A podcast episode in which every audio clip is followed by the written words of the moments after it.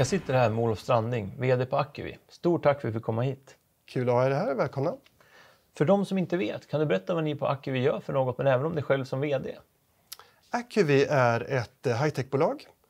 Eh, och det vi gör är att vi hjälper våra kunder med extremt hög precisionsförflyttning. Vi agerar på eh, megatrend som handlar om automatisering och krav på högre precision. Jag då har varit i bolaget i tio år. Jag tillträdde som vd i höstas. Det som jag riktar in mig på just nu det är att eh, driva högre tillväxt och att skapa en eh, lönsam koncern. Vilka är några av de viktigaste strategiska målen för Acuvi på kort respektive lång sikt? På kort sikt skulle jag säga att det är väldigt viktigt att vi skapar en finansiellt stark bas så att vi kan agera på det som vi vill agera. På lång sikt så ser jag stor nytta av att vi bygger vidare på det koncept vi har med modulära plattformar och att expandera det på nya områden. Eh, nyttan med modulära plattformar är att vi kan hjälpa våra kunder till kundanpassade lösningar för dem, men som för oss är kommersiellt relevant. Det blir billigt och vi får en hög lönsamhet i bolaget.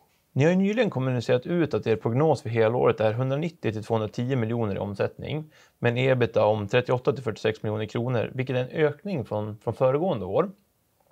Vad krävs skulle du säga för att klara den här prognosen? Jag skulle säga att nyckeln till det här det är att vi lyckas med tillväxten i försäljningen. Och 10% tillväxt är bra för många bolag. För oss så har vi långsiktigt högre krav än det är. Eh, vi, kom, vi har kommunicerat halvårssiffrorna och eh, halvåret hamnar vi på mellan 90 och 95 miljoner i omsättning. Och normalt sett är vårt andra halvår eh, starkare.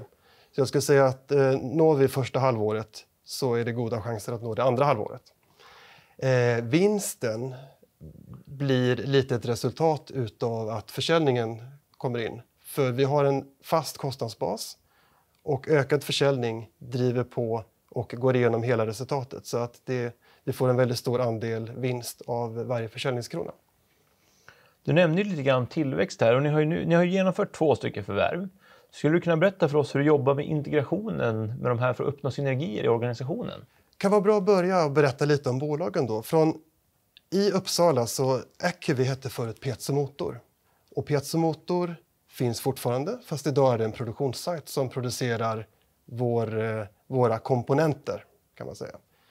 Vi köpte ett finskt bolag, Sensapex, som är väldigt duktiga på att bygga mer kompletta system. De är duktiga på elektronik och mjukvara och styrning av det här, så det är ett steg upp i, i värdekedjan.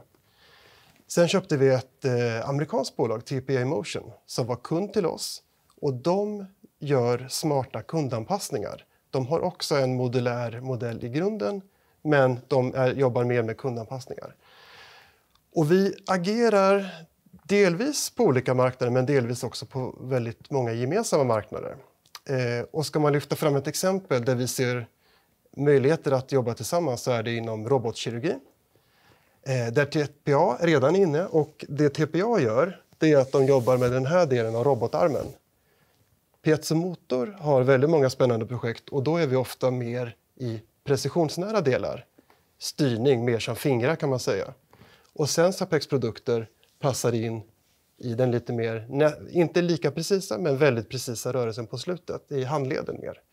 Så att vi ser att vi, vi kompletterar varandra i den totala rörelsen. Och det här gäller för andra områden också. Men vi kommer att driva på samarbetsprojekt inom det här till att börja med, inom robotkirurgi.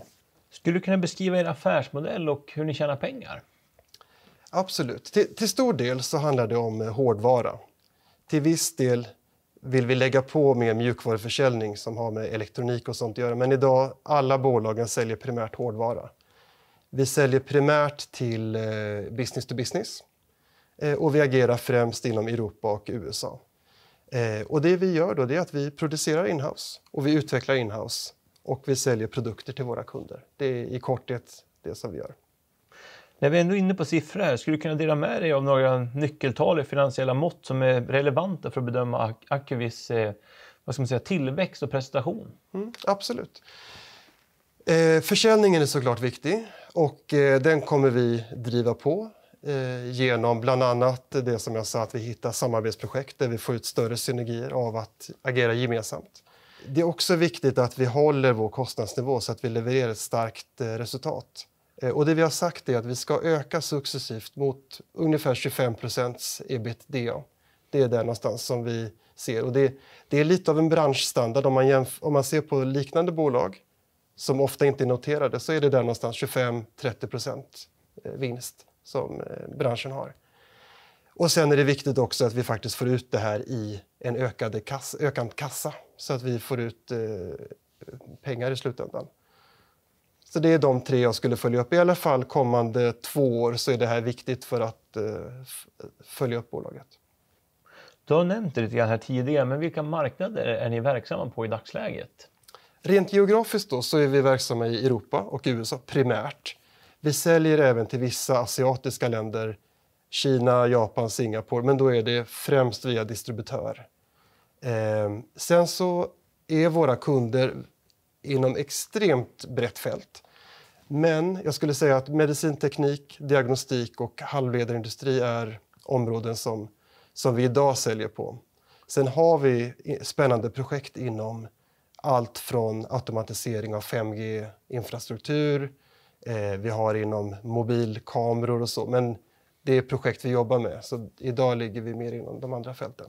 Avslutningsvis, här, varför bör investerare titta närmare på Acuvi som en potentiell investering?